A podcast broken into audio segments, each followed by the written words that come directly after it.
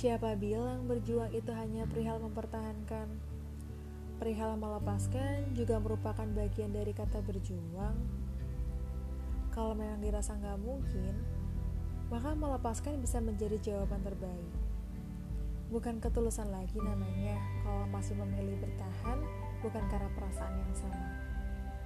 Bukan ketulusan lagi namanya kalau masih memilih bertahan untuk orang yang gak berharap dipertahankan. Kadang kita takut melepaskan karena takut harus mulai lagi dari awal. Karena perkara memulai dari awal itu pasti prosesnya nggak ada yang instan memang. Walaupun sebenarnya perkara putar balik untuk pulang itu lebih baik daripada melanjutkan perjalanan yang udah gelap dan nggak tahu arahnya ke mana. Pulang bisa nuntun kita untuk mulai lagi dari awal.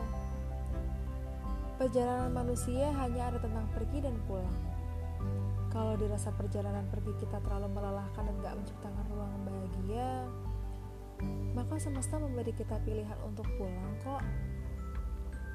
Pulang untuk menemukan hal baru yang memberi rasa nyaman dan percaya sama diri sendiri.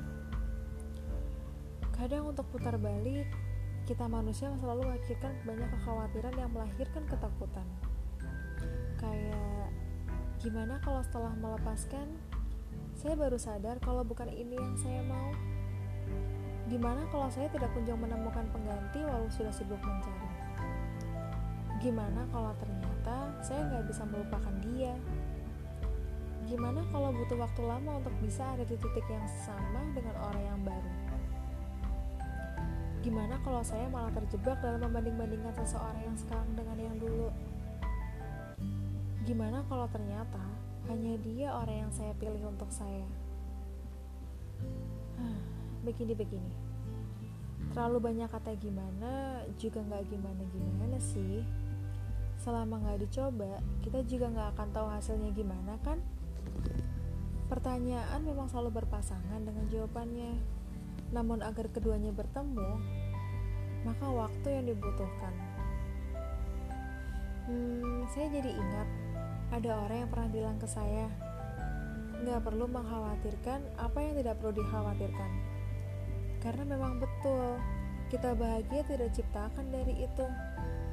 Semakin lama mengkhawatirkan banyak hal, maka kita cuma terus berhenti di titik nol. Jadi, kita harus berhenti memilah antara apa yang diinginkan dan yang tidak.